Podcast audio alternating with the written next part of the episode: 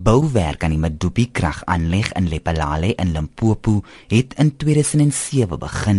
Die aanleg sou aanvanklik teen 2012 begin het om krag aan die netwerk te verskaf, maar dit het eers verlede jaar gebeur.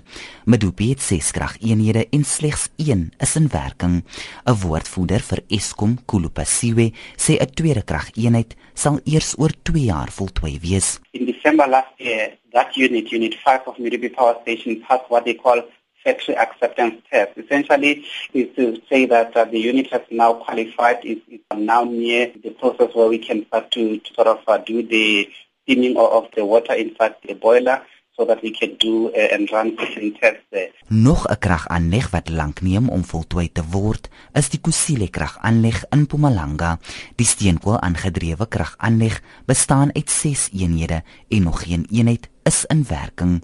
Passiwe sê die eerste eenheid sal hopelik teen 2018 voltooi wees. So at Kusile Power Station just recently about a week or so ago the first unit of that power station also passed the factory acceptance test and especially in relation to the control and instrumentation.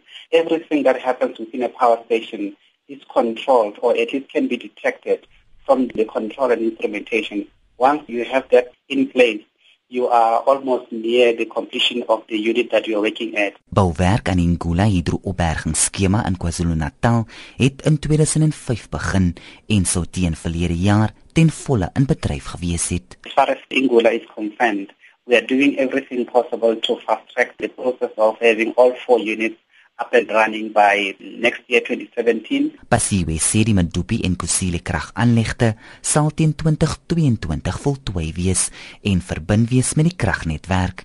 Jean Estreisen, SABC nuus.